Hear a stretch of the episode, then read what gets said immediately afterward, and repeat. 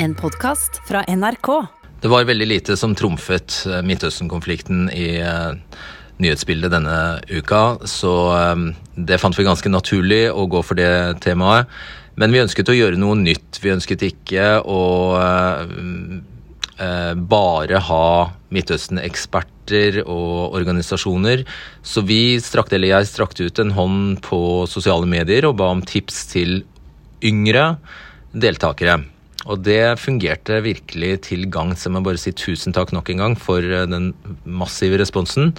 Og vi greide å fylle studio med veldig dyktige, og mange av dem helt uh, urutinerte debattanter. Uh, og jeg må bare si at jeg syns uh, det var befriende. Når vi setter sammen en sånn debatt som dette her, så er det veldig vanskelig, fordi, og det er vel bortimot det største vepsebolet man kan stikke henda inn i. Det er veldig vanskelig fordi alle kommer til torgs med agendaer som overhodet ikke er sammenfallende. Altså, det er veldig vanskelig å finne noe felles utgangspunkt for eh, debatten. Vi prøvde et øyeblikk å se om vi kunne starte og strukturere det på den måten. Starte med å diskutere de siste dagenes eh, begivenheter, eller de siste dagenes hendelser. Men det eh, utgangspunktet vil den ene siden ikke gå med på. Eh, fordi de mener konflikten selvfølgelig strekker seg så, så mye lenger tilbake. Så det var i det hele tatt altså det, Ja, du får bedømme selv, men det forsøket på struktur, det ga vi mer eller mindre opp. Så vi har heller stykket sendingen inn Eh, med hjelp av flere skifter, og ikke minst eh, de to veldig veldig dyktige ekspertene Marte Heian Engdahl og Cecilie Helles Tveit.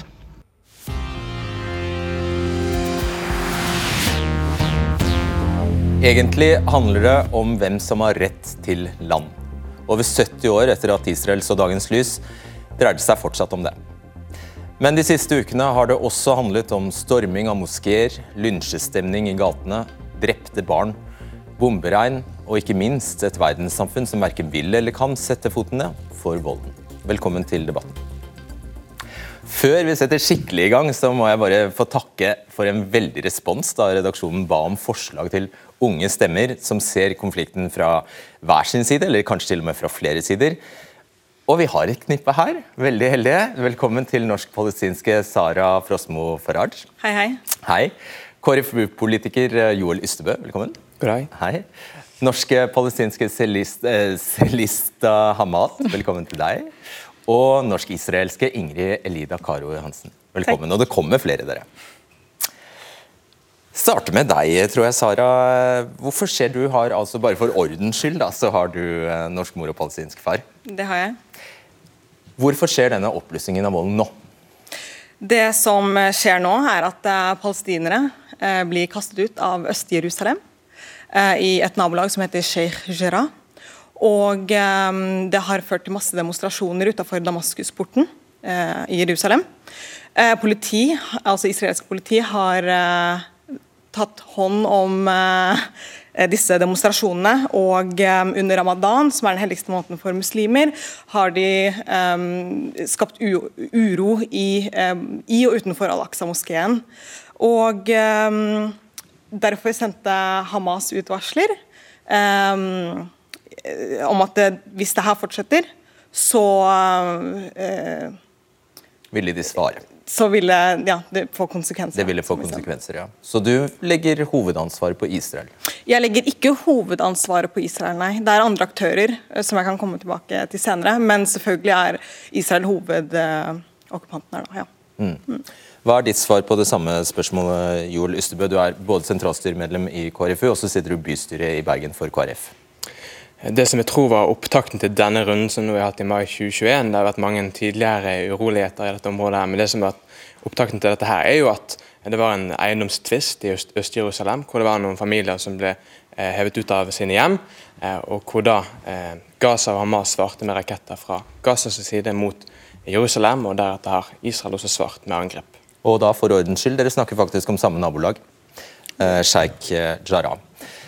Ja, det er jo mange ting som kulminerte mandag 10. mai, da volden virkelig tiltok. Den dagen skulle israelsk høyesterett komme med en kjennelse om seks palestinske familier som altså sto i fare for å bli kastet ut av husene de hadde bodd i siden 50-tallet i denne bydelen Sheikh Jarrah i Øst-Jerusalem.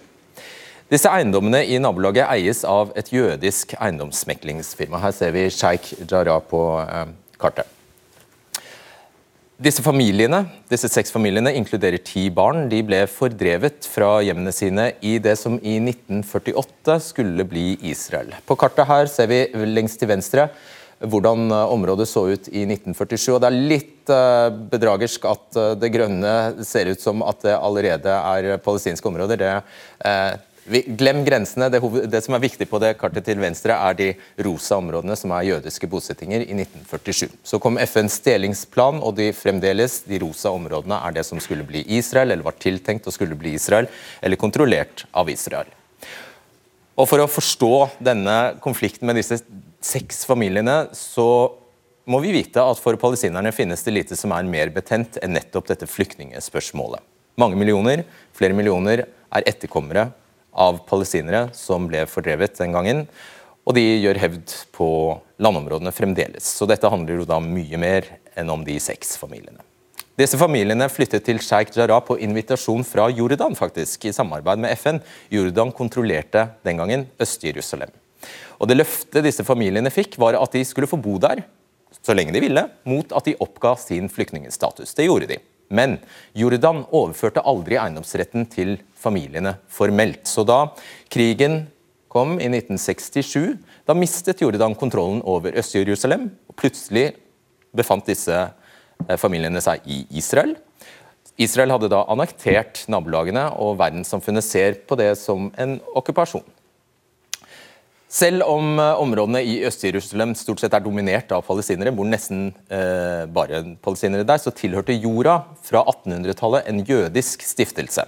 Som igjen solgte jorda videre til et eiendomsmeklingsfirma, som jeg sa, og som ønsker at flere jøder skal flytte til Øst-Jerusalem. Og dette kartet her jeg skal det mener flere da viser, eller beviser, at Israel beslaglegger stadig større områder, at de utvider bosettinger, som i sin tur gjør det umulig å skape en eh, selvstendig palestinsk stat. Men igjen, jeg skal også legge til at her ser det ut som hele Vestbredden omtrent har forsvunnet.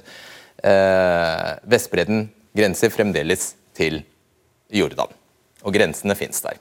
Men denne uretten da ifølge palestinerne toppes med at Israel på 70-tallet vedtok lover som ga jødiske landeiere rett til å gjøre hevd på eiendom øst i Jerusalem. Mens det finnes ingen tilsvarende lover for palestinske landeiere. De kan ikke kreve det samme, har ikke mulighet for det samme i Vest-Jerusalem eller andre steder i Israel. Er dette en grei, eh, dette en, en eh, grei oppsummering, Celestina Hamad? Hva syns du? Um, altså Det som mangler, er jo å si at dette faktisk er en ulovlig okkupasjon, ifølge en internasjonal lov. Um, det vi ser, er jo at Israel ønsker å ta over hele historiske Palestina. Og er i ferd med å gjøre det, som vi ser på kartet. Og det er det palestinerne reagerer på. Og det er det de har reagert på i over 70 år nå. Ysme. Jeg tenker jo, Når man snakker om ulovlig okkupasjon, så er jo det for det første tenker jeg at det er et veldig krevende juridisk spørsmål. Altså, eh, det som jeg mener ofte denne debatten er preget av, er en ganske skråsikkerhet når det kommer til disse tingene her. Jeg tror ingen av oss her er eksperter på folkerett. Eh, og Da tenker jeg også at, at vi må se det i sammenheng om at konflikten mellom araberne og israelerne og, og israelske myndigheter har jo vært eh, en konflikt over mange mange år, lenge før 1967, og, og, på en måte dette her ble en, en diskusjon om disse områdene her. Forhørt. Nei, Jeg er veldig enig i det Celestina sier, at det er en okkupasjonsstat. Det er, eh, det er okkupasjon vi ser. Mm. Og selvfølgelig at eh, det er forskjellsbehandling i stor grad mellom menneskene som bor innad i hele landet. Ok.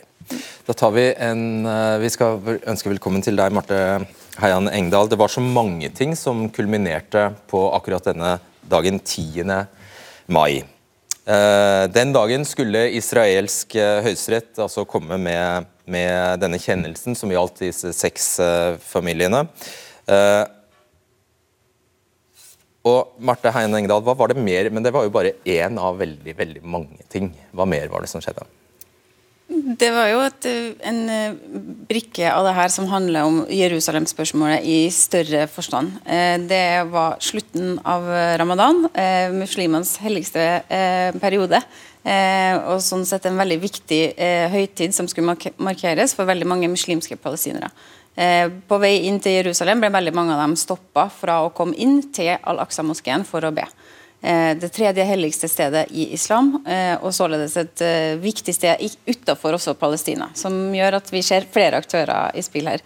I tillegg til det så har, vi, ser vi en brutal håndtering av, av de her som ønsker å komme inn, av det som etter hvert ble opptøyer og protester. Ja, ble brukt tåregass og granater og, og, og skutt med gummikuller. Og en sånn type stinkvann som demonstrantene sprayes med. Um, og så var det en episode der israelske myndigheter kutta høyttaleranlegget til Al-Aqsa-moskeen fordi presidenten skulle holde en tale på samme dag. Det var eh, I det samme tidsrommet her så skulle også Jerusalem-dagen feires på, av, av, Israel, som da feirer at det er den dagen da de har fått gjenforent sin evige og udelelige hovedstad. Som var det som skjedde som vi så på kartet i 1967. 1967. Mm.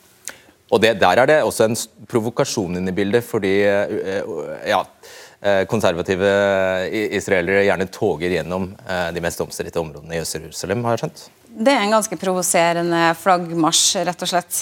Og som har blitt mer og mer nasjonalistisk for hvert år som har gått. Eh, og som absolutt ikke er noe som hele eh, den jødisk-israelske befolkninga står bak. Men det her er noe av det som gjør det her veldig eh, har en veldig sterk sprengkraft nå, er jo nettopp at det også er krefter i det jødisk-israelske samfunnet som har fått sluppet fri og vært eh, levd eh, litt på side av loven i ganske mange år. Og som vi så er bakgrunnen for bl.a. den anarkistiske og lovløse tilstandene som vi så i de andre israelske byene som ikke var Jerusalem. Ja, for det satte en støkk i veldig mange. Det var utrolig ubehagelig å se for veldig mange av oss. Eh, det er ikke fordi det har vært et perfekt eh, sameksistensgrunnlag der hele tida. Det er selvfølgelig en veldig nyansert historie, det òg. Men her så vi at jødiske-israelske, eh, fortrinnsvis unge menn, og palestinske israelere gikk i regelrett sammenstøt, angrep hverandre, eiendommer, hus, teater.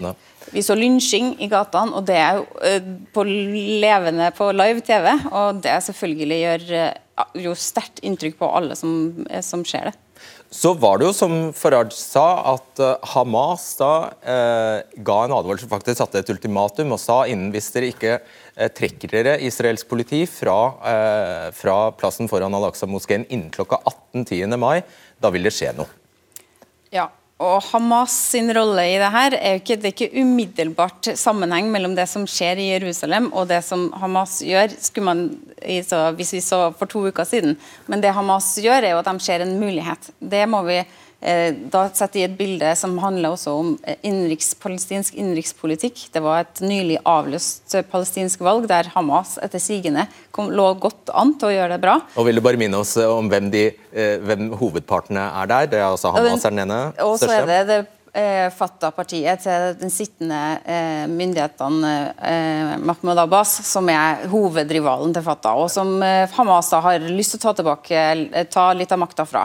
Eh, Jerusalem, som sagt, og som du har snakka om, er sprengkraft eh, fordi det er eh, det religiøst viktigste stedet.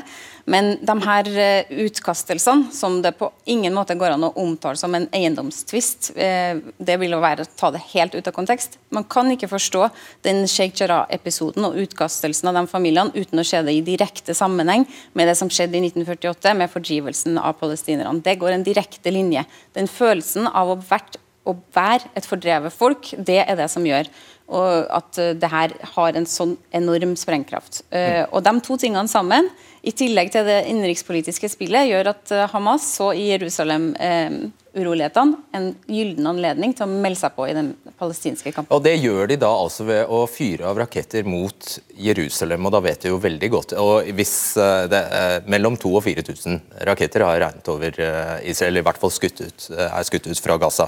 De vet jo veldig godt hva de gjør, så hvorfor, hvorfor gjør de det? Ja, Spørsmålet for dem er nok, som vi like gjerne kan stille oss, eh, hvorfor har de ikke gjort det før? Det er jo, eh, nå har vi vent oss til en slags veldig abnormal normalitet i den konflikten her. der vi har, Når vi sier at det har vært rolig, Eh, så er det en, veldig merkelig rolighet vi egentlig snakker om. Vi snakker om en blokade på 15. året av Gazastripa. Eh, totalt umenneskelige forhold å leve under, og som selvfølgelig har pressa Hamas til ytterpunktet. Men de har altså ikke gjort, gått til det steget der eh, siden 2014 på samme måte. Og Det var nettopp det at man så muligheten, tok den, eh, og da selvfølgelig eh, utsette sin egen sivilbefolkning for enorm lidelse som gjør at mange av oss som så på, ble veldig stressa over tempoet det her fikk, og dimensjonene det kunne anta.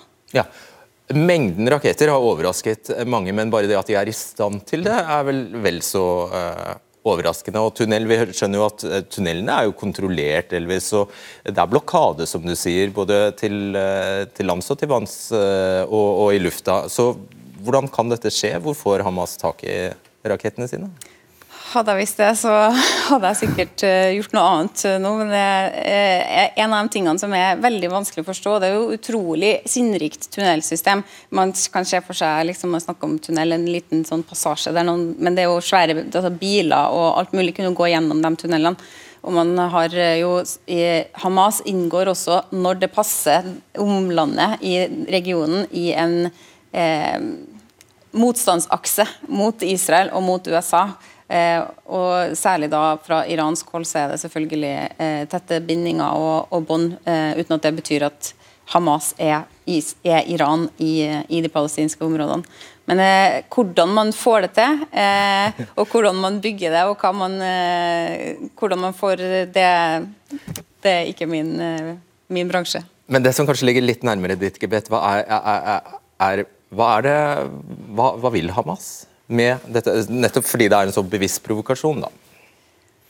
De ønsker nok å være tilbake på den palestinske scenen, en eh, spille en tydeligere rolle der. Det er også dem er upopulære, på samme måte som Fatah, hovedrivalen, er det pga. korrupsjon og misstyre og eh, total mangel på respekt for folks eh, Eh, rett til å velge sine egne ledere, så har også Hamas-lederskapet vært uh, utsatt for sterk kritikk og, har, og er på en måte Man, man kan sammenligne dem, altså Man er fanga i et hjørne, og selvfølgelig uh, det er lett for oss å si, stå i Oslo og si at det er jo helt forferdelig dårlig løsning å skyte 3000 raketter ut for å løse det problemet, men jeg tror vi må se også Hamas i sin kontekst og i sin sammenheng.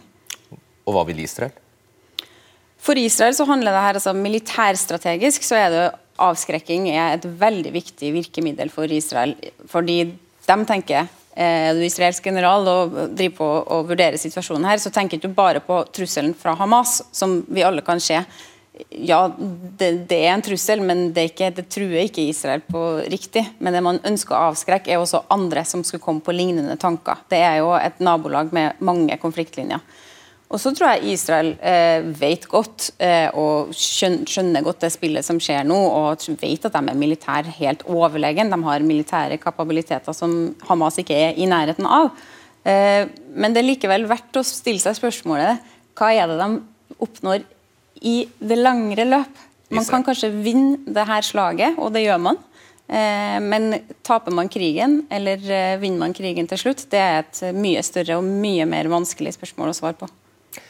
Og jeg får, får, jo ikke løst det i kveld heller. Takk skal du, takk skal du ha, Marte Herren Engdahl.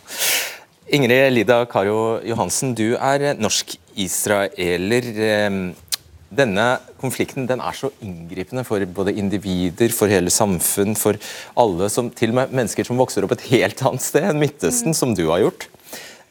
Eh, du er journalist og student. Hva, kan du forklare hvordan dette arter seg for en norsk israeler? Det at, det at man påvirkes så til de grader? Ja. Um, jeg kan jo starte med å si hvordan um, barndommen min var litt uh, med det. Um, faren min var vokst opp i Israel og var militærnekter, uh, så han ville ikke inn i uh, militæret. og kom i fengsel pga. det og måtte da reise ut av eh, Israel. Eh, så han tok jo ganske raskt avstand fra Israels eh, politikk. Men jeg merket jo ganske raskt at det å rope høyt om at man har israelske røtter, eller jødiske røtter, det, det gjør man på en måte ikke. Um, jeg husker under Gaza-krigen 2008, da var jeg åtte år. Da så jeg jo pappa de ganske store demonstrasjonene, forståelig nok. Uh, og da sa han at Ingrid, du må ikke si at jeg er fra Israel. Sa han det, ja. Um, og det um, gjorde jeg ikke. pappa var til tider redd for å bli overfalt. og på skolen kunne det være vitser om at eh, hvorfor ble ikke alle jødene drept i Auschwitz? Eh, så hadde vi sluppet at de eh, bombet sivile i, i, Gaza. Og jeg sier ikke at det er vanlig å si, men, men, det var holdninger som jeg ble møtt med, og som jeg, jeg visste at det ikke var min feil. At eh, palestinske familier eh, måtte flykte og eh, ble drept. Jeg visste at det ikke var pappa sin feil, men jeg følte at det var min skyld. Og jeg følte at jeg måtte ta ansvar for noe som er større enn meg selv, på måten man snakker om denne konflikten på. Og det tror jeg er eh, mange kan eh, kjenne seg igjen i. da. Så nå når vi har samlet et knippe fremragende eh, bindestreksnordmenn her, hva, hva er det viktigste for deg å si? Nei, altså For det første så jeg, jobber jeg som journalist, så jeg har fått eh, streng beskjed fra arbeidsgiveren min om at jeg ikke må ta noe standpunkt i den diskusjonen. Men det viktigste for meg å få frem, tror jeg er det enkle, men også så vanskelige, som er å skille stat og folk. Og huske at det er så mange nyanser på, på begge sider. Bare se i Israel f.eks. Det ser ut til at det blir et femte valg. Og det sier jo litt om hvor splittet folk er ja, i spørsmål. Alle elsker ikke Netanyahu, eh, kan man vel Det gjør de nok ikke. Det gjør de nok ikke. Mm. Uh, den følelsen du som norsk-israeler beskrives, tror du den kan sammenlignes på noe vis med den følelsen veldig mange muslimer kan sitte med at denne konflikten og behandlingen av palestinerne egentlig er symptomatisk for hvordan ja, Vesten behandler muslimer? Det tror jeg absolutt. Jeg tror ikke det er unik, en unik følelse, det jeg har sittet med. Å føle å måtte ta ansvar for en stat eller en gruppe mennesker. Jeg har mange muslimske eh, venner som har eh, vært i situasjoner der de har måttet stå til ansvar for eh, handlinger ekstremister har gjort. Så jeg tror at veldig mange kan kjenne seg igjen i det. Og jeg tror spesielt at i denne konflikten så kommer det ekstra tydelig frem. Og jeg kan bare snakke for meg, men det kan godt hende at Ja, la oss høre. Mm. mange føler det samme. Mm. Ja. Kan du kjenne deg igjen? Um Altså Jeg har en familie som ble fordrevet fra Palestina i 1948. Um, ehm, og som har blitt utsatt for overgrep av staten Israel i alle år etter det. Um, så jeg, altså, jeg, kan godt forstå hva som føles på her, men jeg tror det er veldig viktig å skille religion og den, det som skjer her. Fordi det har ingenting med religion å gjøre. Israel bruker uh, det jødiske stempelet sitt og bruker den jødiske identiteten sin for å legitimere det de gjør. Men palestinere er både muslimer, kristne, ikke-religiøse. Og det har ingenting med religion å gjøre. Hvordan har de siste dagene sett ut for deg? Hva er det du har sett? Altså, Det jeg ser, er jo Én, jeg ser at media får det her til å handle om Hamas-Israel, sånn som det alltid er. Eh, noe som ikke er tilfellet. Og det er veldig lite snakk om hva er det som egentlig ligger bak eh, bak palestinernes eh, kamp. Da. Bak eh, hvorfor er, det, hvorfor er palestinerne ute over hele landet nå. og internasjonalt, alle demonstrasjonene som skjer. Folk ser at det her er ikke rettferdig, det her er ikke riktig. Og vi som mennesker vil ikke stå inne for det. Vi vil ikke, vi vil ikke støtte opp om det som skjer med palestinerne. Og det tenker jeg er optimistisk. Det er fint at nå begynner ting å skje. Nå begynner folk å reagere. Og det er viktig. Jeg tror jo inntrykket av at, at, Israel ikke gjør dette her. altså At Israel bruker jødene som en slags label for på en måte eh, føre sin politikk som handler om på en måte gjøre livet vanskeligst mulig for de palestinske folk. Det er iallfall ikke et syn jeg deler. Eh, jeg tror at Vi må se dette også i sammenhengen av situasjonen Israel står i. Israel er en stat som har blitt forsøkt eliminert gang på gang. Det er et folk, det jødiske folk som eh, opp gjennom verdenshistorien har opplevd grusomme ting. Eh, og jeg tror også at Man må se dette i sammenheng med et, et et land som har fiender på alle kanter. Et land som eh, virkelig har bygd opp et militære av et ønske om å eh, forsvare sitt eget land for å beskytte sin egen befolkning. Og Det betyr ikke at alle angrep Israel gjør, eller alle måter å forsvare seg på som Israel gjør, nødvendigvis er fornuftig. Eh, men jeg mener at det viser at en har et behov for det, og at det er nødvendig. Hmm. Israel er faktisk en av de største militærmaktene vi har i denne verden. Eh, Hamas er ikke i nærheten. Og det vi ser nå, er at Israel bomber et åpent fengsel som består av halvparten av Gazas befolkning er barn.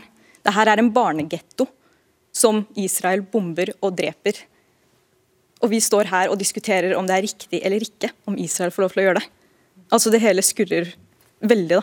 Og det er egentlig en skam for menneskeheten at vi i det hele tatt kan debattere det istedenfor å handle nå. Jeg tenker De store lidelsene som har oppstått både i denne situasjonen her nå i mai 2021 men også tidligere, er helt forferdelig tragisk. og Man ser sivile forsøk på begge sider, men særlig på at palestinske folk blir eh, særlig eh, eh, preget av det, og mange mister liv på den siden. Men jeg tror også det at vi må være klar over at, at, at situasjonen er også veldig preget av på en måte, hva skal jeg si, at, eh, at det skytes bl.a. raketter fra befolkede områder i Hamas. Hamas eh, har mener jeg en helt annen status i forhold til Israel. Hamas er, et, er et, et terrororganisasjon som styrer et område, og på ingen måte en selvstendig nasjon sånn som Israel, som, eh, som, har demokrati og den type ting. Og Det mener jeg også gjenspeiler seg veldig i fokuset til Hamas, som ikke er å bedre situasjonen og skape fred, men er for å eliminere staten Israel. Kort. Kort. Eh, du sa det egentlig selv. Hamas er ikke en egen stat og kan ikke måles med Israel. Så det, som, altså det du ser, er en massakre. Det er en massakre, og alle menneskerettighetsorganisasjoner, eksperter, flere politikere.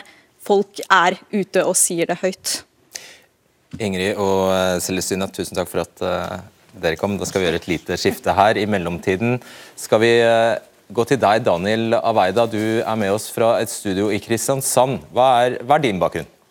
Ja, jeg er en halv israelsk araber og halv norsk. Eh, jeg er født i Norge. Halvisraelsk og halv Ok, eh, Hva innebærer det? Det vil si at min far han er en araber. En araber som er født i Israel, i Haifa. Og bestefaren hans er en araber som er født i Nablus, som er nå i Vestbredden. Og ja, min mor er norsk. Jeg er født i Norge. Vi flytta ned da jeg var to år gammel.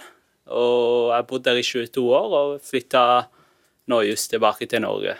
Jeg tror vi, tror vi, henger med. Du er altså norsk-israelsk araber, og du har faktisk nettopp avtjent, eh, du har avtjent tre års verneplikt i Israel. har du. Hvem støtter du i konflikten? Jeg støtter i konflikten, jeg støtter Israel. Og det, det, det, er viktig å si når jeg støtter Israel, sier det ikke at jeg er mot palestinerne. Fordi mange ser på det som Israel mot palestinerne, og Israel prøver å få de vekk av husene som det er det er helt tull. Det er bare en liten ting som folk som betalte ikke leie. Så det er sånn Jeg skjønner ikke hvorfor det ble en ting engang. Det skjer hver dag i verden, i hver eh, land. Men eh, grunnen Jeg skal begynne med min bestefar, som var født i, før Israel ble stat. og Grunnen han eh, støtta Israel, det var fordi han var kristen, og så han visste retten til jødene i, til landet. Men jeg vet at ikke alle er eh, kristne, altså det er sikkert mange muslimer, så da vet jeg sikkert at i Koranen sto det at, at, eh, staten Israel hørte til jødene.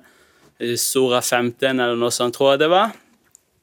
Og hvis dere er ikke muslimer, så da vet dere da det bare å gå og se alle de arkeologiske tingene vi finner i Israel, og så mynter som står på hebraisk fra flere tusen år siden, og forskjellige skrifter og sånn. Så det er mange, mange grunner til å ja, til å se at eh, Israel hører til jødene. Nettopp. Jeg tror eh, vi sier tusen takk for at du var med, Daniel eh, Aveida fra Kristiansand. Og da har vi supplert panelet her med Herman Faane, som er sentralstyremedlem i FPU, og Osama Shahin, du er palestinsk flyktning fra Syria. faktisk. Vil du først uh, bare knytte en kommentar til det vi har diskutert så, så langt? Um, ja, jeg kan jo knytte en kommentar til det som ble sagt angående ja, Hamas, og uh, hvis det er det Ja.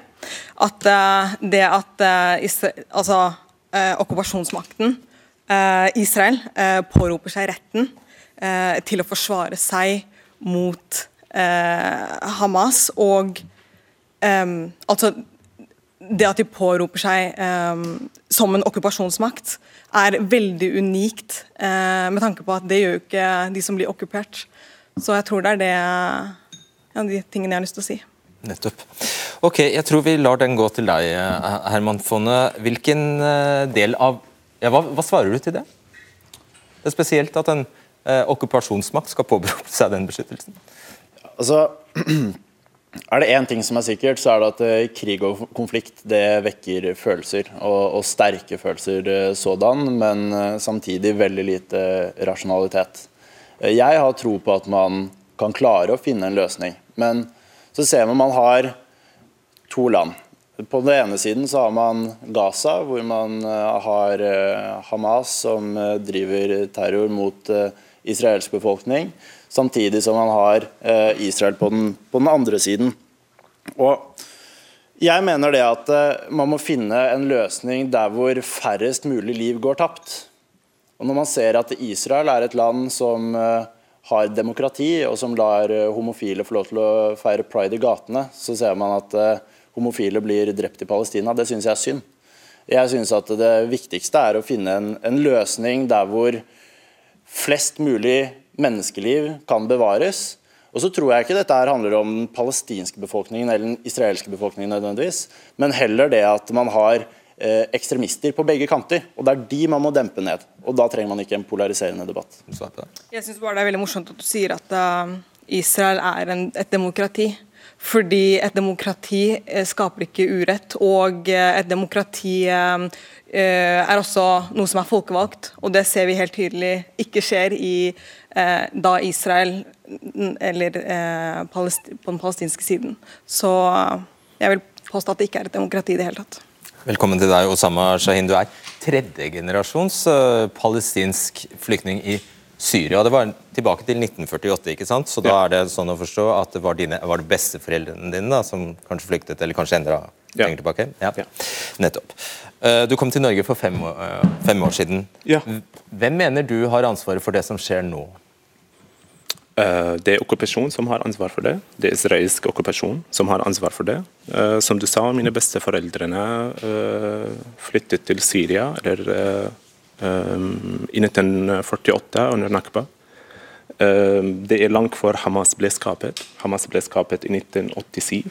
Det er viktig dato for å huske når vi snakker om Palestina og okkupasjon. Eh, det er eh, PLO som var før, som 1964 fortsatt finnes. Det er PLO. Og eh, ledere i PLO også ble drept i forskjellige land i verden. I Syria, i Libanon, i Jordan, i Tunisia. Forfattere som ble drept. Til og med statsminister i Israel som signerte Oslo-avtalen, også ble drept av ekstremister i Israel. Det, det var veldig fint oppsummert med flertall for kart kartene som eh, du viste. Eh, men det viser ikke at Gaza er eh, Folk får ikke reise. At flyplassen i Gaza ble ødelagt av Israel i 2001. Det viser ikke muren som gjør at palestinere lever under apartheid på Vestbredden. 2021 var veldig god, veldig god år, eller god eksempel på hva palestinere har slitet med siden 1948. Eh, det som skjer i Sheikh Jarrah, den 50 personer som eh, er i fare for å miste sitt hjem, her um, minner oss om det som har skjedd med f.eks. mine besteforeldrene og 900 000 palestinere som flyttet i 1948, eller tvunget til å flytte. Jeg synes det som er essensen her, er at vi må, vi må jobbe for å bekjempe terror. Og jeg tror det er viktig både for den palestinske befolkningen og for den israelske befolkningen. Og om jeg kan bare skyte inn det med eh, hele konflikten og hvordan den er i media og, og, den biten der, så føler jeg at det fremstår nesten som man har Palestina på den ene siden, som, fremst, som fremstilles nærmest som terrorister. Samtidig som man har israelitter på den andre siden, som fremstilles som høyreekstreme. Og Når man har en sånn debatt, så kommer man ikke fram til, til løsninger. Jeg tror det at uh, en menig israelitt kan fint leve med en menig palestiner, og vice versa. Men når man har en debatt der hvor enten så heier man på Palestina, som dreper jøder, eller man heier på Israel, som har bombet palestinere, så har man liksom Hvor er det man har nådd, da? Det er ikke en fotballkamp det er snakk om, det er en krig. Og Det handler om å finne humanitære løsninger som hjelper flest mulig liv. Og så er spørsmålet hvor de løsningene ligger. Men Jeg tror ikke noen side har rett eller galt her. Men jeg støtter personlig Israel fordi at jeg mener at eh, det at folk kan få lov til å leve som de vil, at man har frihet, ytringsfrihet, man kan være homofil om man har lyst til det i Israel, det mener jeg er viktige verdier som man må ta vare på. Men hvilket folk, det er likegyldig. En ting eh, media gjør, er jo å nesten sensurere ordbruken av en okkupasjonsstat, for det er det Israel er. Og det, hvis det her er en såkalt krig, så har jo Israel utrolig store fordeler, altså staten Israel, med tanke på at de er blitt støttet fra veldig mange sider i hele verden. Eh, og det ser vi på våpenet de har i forhold til da Hamas eh, for, akkurat nå. Um, og eh, tilgangen eh, man også har eh, i Israel når det gjelder eh, medier, noe Gaza ikke har eh, nå. Så en krig, en veldig urettferdig og ensidig krig, vil jeg påstå. Ok, Dette føles veldig uhøflig, men vi har et par til som må inn. Så jeg er bare nødt til å si tusen takk for at dere kom. Det ble litt uh, kort, men dere får heller komme tilbake en, en annen gang. Tusen takk. Um, ja, da skal jeg be Line Khatib i Palestina-komiteen og Konrad Myrland i Organisasjonen med Israel for fred ta plass. Og det skal jeg også be deg om å gjøre, Cecilie Helles Tveit. Uh, Først til deg, Cecilie Hellesveit. Du er altså konflikt- og folkerettsforsker ved Folkerettsinstituttet. Tallene er vel noe sånn som 22, 222 eh, personer drept på Gazastripen siden 10. mai, og eh, mange barn blant dem. Israels side er det tolv personer drept. Men, og dette er ifølge myndighetene på hver sin side, side da. Hva er folkerett for noe? Folkerett er de reglene som gjelder mellom statene i verden, først og fremst. Og Det er jo regler som statene egentlig har laget. Eh, så det er regler som er ganske gunstige for stater, og ikke så gunstige for de som ikke er stater, som egentlig sånn formelt gjelder for Palestina. Palestina er ikke på en måte en fullverdig stat i folkeretten enda. og Det har gjort at palestinerne i mange år ikke har hatt de redskapene i på en måte verktøyskassa si som israelerne har hatt. Og Det gjelder veldig mange av de temaene som dere har snakket om i dag. Der har palestinerne kommet veldig dårlig ut, nettopp fordi de ikke er en stat.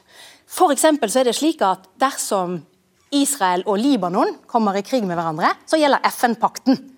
Men når Israel har militære, militære Hva betyr det for noe at gjelder? Det betyr at det må, gjøre, det må, være nødvendig, det må være proporsjonalt. Og så kommer Sikkerhetsrådet inn og sier ja, masse regler som begrenser militæroperasjonene. Mens når eh, Israel har militære operasjoner på Gaza, så er det ikke de reglene som gjelder. Da gjelder reglene for militær okkupasjon. Og de setter mye færre begrensninger. Men det føles jo veldig urettferdig helt sikkert for eh, palestinerne. for å det er urettferdig. Og her ser man kanskje at folkeretten er ikke alltid det samme som rettferdighet. I tillegg så er det slik at når Israel, den israelske hæren og Hamas har en sånn slags krig som de har nå, hvor Hamas skyter raketter inn i Israel mens Israel har luftmakt mot Gaza, så gjelder det helt like regler de reglene som gjelder for den krigføringen, de tar ikke inn over seg at eh, Hamas bare har hjemmesnikrede raketter, mens Israel har de beste på en måte, høyteknologiske våpnene i verden. For Dette er sånne kliniske regler som handler om krigsforbrytelser eller ikke. og de legger på en måte til grunn at det er et likeverdig forhold. Så Det betyr faktisk at når disse du kaller det hjemmesnekra rakettene bommer litt og faller ned på, på ikke tiltenkte steder, kanskje til og med spretter de tilbake og havner i hodet på palestinere, ja. det skjer, ja, så er det et folkerettsbrudd. Det betyr rett og slett at den ene regelen som er aller viktigst i krigens folkerett Du skal ikke rette militære angrep mot sivile med vilje. den er det vanskelig for Hamas å overholde, for de har ikke gode nok våpen. Så det gjør at Når Hamas bruker de våpnene de har, så er det veldig ofte folkerettsbrudd og kanskje til og med krigsforbrytelser. Mens når Israel bruker sin teknologi, som jo nettopp kan styres veldig presist mot militære mål, selv om det kan være sivile følgetap, og de kan være ganske store, så er det vanligvis, eller ofte, ikke alltid, på innsiden av det som er regelverket. Så her er det nok en sånn skal vi si, strukturell urettferdighet som rammer palestinerne særlig. Hm. Konrad Myrland, du er eh, leder i Med Israel for fred. Vil du bare, eh, hva, er det for noe? Det er en uh, interesseorganisasjon med 11 300 medlemmer i Norge. og Vi er også aktive i Danmark og Island. Så Vi er en livssynsnøytral organisasjon som jobber med å gi informasjon med israelernes perspektiver, noe som jeg mener at de norske mediene ofte svikter i. Ja, det er jeg klar over. Du mener, og du mente også, du, I utgangspunktet mente du det var noe galt med de kartene vi, vi ser? Ja, det er, det er, mye galt med de. Det gir inntrykk av at her er palestinerne i ferd med å forsvinne, men det har vært en formidabel økning både av arabere på Gazastripen, i Israel og på Vestbredden. Og, eh, og da ja, snakker ja, om, du, du sikter nå til arabiske israelere? Ja, eller palestinere. Kall, kall det hva du vil. Uh, men, men som har statsborgerskap i Israel, da? Ja, som har statsborger i Israel. Mm. Mm.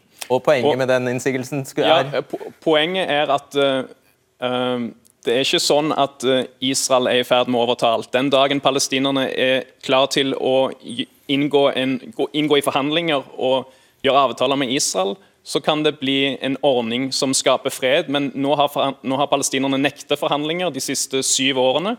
Og nå starter Hamas krig og fortsetter krig. Ok, Line Khatib, velkommen til deg. Du er leder av Palestina-komiteen. Du vil vel ikke la dette stå uh, uimotsagt? Nei, altså dette kartet taler jo veldig presist for hvem som har kontroll på bakken. og Det er jo det som gjelder, og som Israel har hele tiden fra sin opprettelse vært veldig nøye på at de skal etablere det de kaller fakta på bakken. og Det betyr å bosette sin egen israelske befolkning i palestinske områder for nettopp å etablere eierskap der. Og På Vestbredden, som er det kartet her på 2021, som er situasjonen akkurat nå i dag, så er jo situasjonen den at palestinerne palestinske såkalt selvstyremyndigheter, som har veldig lite selvstyre på Vestbredden, eh, Hamas, som styrer i Gaza, har kontroll over nå 12% av det opprinnelige Palestina.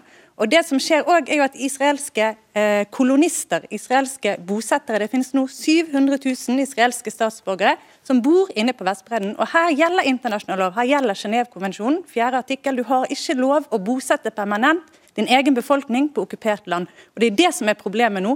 Det er årsaken òg til at palestinerne protesterer. Det er ikke denne hendelsen som vi har sett nå, det er de strukturelle, uh, urettmessige forholdene som ligger til grunn. Svar på det. På 1920-tallet så ga verdenssamfunnet folkerettslig grunnlag for en jødisk stat i hele dette området. Eh, og det at eh, palestinerne har fått selvstyre, det, da er de kommet nærmere en, en, en, stat enn det de noen gang har vært. Altså under israelsk kontroll. Da de var under jordansk og egyptisk kontroll, så hadde de ingen utsikter til å få sin egen stat. Og Det grunnleggende her er jo hvorvidt det jødiske folk har rett til sin egen stat. De har vært en minoritet i Midtøsten og Nord-Afrika i årtusener. Og at de nå har et lite område hvor de, hvor de, kan ha kontroll, det er veldig viktig. Og Vi ser jo hvordan det har gått når de har oppgitt kontrollen over Gaza. Det har ikke blitt mindre krig etter 2005. Det har blitt det scenarioet som vi ser i dag, med dessverre skrekkelige lidelser på begge sider. Dette stemmer jo ikke. Myrland. Altså, for det første så har israelerne og palestinerne inngått en historisk fredsavtale i 1993, Oslo-avtalen. I løpet av fem år skulle palestinerne få selvstyre på hele Vestbredden og Gaza. Det har aldri skjedd. Nå er det snart 30 år siden den Oslo-avtalen. Eh, det var jo det fordi palestinerne brøt avtalen nei, fra første stund. Det var som Osama Shahin sa her i sted, den israelske statsministeren ble drept av en israelsk ekstremist. Eh, og man fulgte ikke opp det som var hovedpunktene i den avtalen, nettopp at israelske kolonier skulle stanses. De har tredoblet seg siden da, fra 200 000 til 700 000. Det er et punkt der, det var et punkt de ikke ble enige om også når det kom til Jerusalem, palestinske flyktninger sin rett til retur. Så det er jo sant, uh, uendelig mange ting som gjør at palestinerne ennå ikke opplever at de blir respektert, for anerkjent sine grunnleggende menneskerettigheter, bevegelsesfrihet, mulighet til å leve frie liv. Nå kommer det en rangering av lykkeindeks i verden som var sponsa av FN nå i vår. Der palestinerne ligger over Jordan og Egypt. Dere ser det på kartet. Sant? Naboene eh, Palestinerne har det gjennomsnittlig bedre ifølge denne lykkeindeksen enn sine, sine naboer. Men egypterne skyter ikke raketter inn i Israel. Jordanerne skyter ikke raketter inn i Israel. Eh, her må det være mulig å finne løsninger, og løsningen er at makt, eh, makten til den islamistiske terrororganisasjonen Hamas brytes.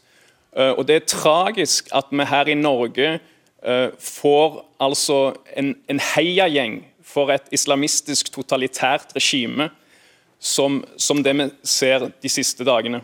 Det, det, det, er morsomt at du prøver å få dette til å handle om én palestinsk motstandsgruppe. Dette handler om et folk som er under apartheid. Dette har Human Rights Watch nettopp dokumentert. Israelsk menneskerettighetsorganisasjon Betzelem har gitt ut rapport for noen måneder siden. FN sin spesialutsending sier det samme. Så Vi må jo forholde oss til det som er faktisk eh, FN-resolusjoner, internasjonal lov. og Det er jo også en grunn til at ICC, straffedomstolen i Haag, nå etterforsker. De har brukt fem år på å klargjøre hvorvidt de har grunnlag for å gjøre det.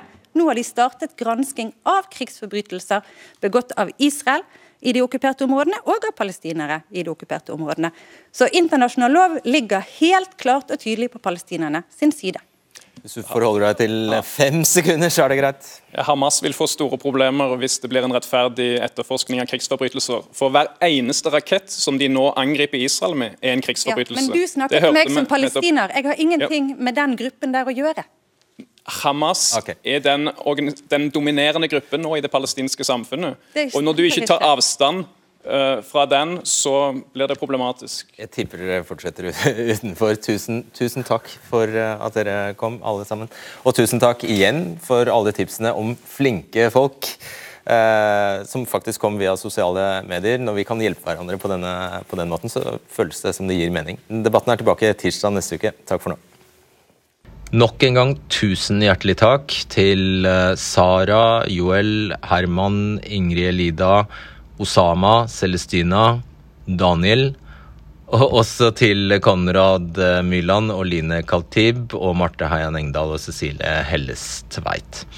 Det er ikke til å unngå at noen selvfølgelig vil være misfornøyde med balansen i et sånt eh, program. Jeg kan egentlig bare si til det at vi virkelig prøvde alt vi, alt vi kunne. Vel, vi er tilbake på eh, tirsdag. På gjenhør, da. Du har hørt en podkast fra NRK. Hør flere podkaster og din NRK-kanal i appen NRK Radio.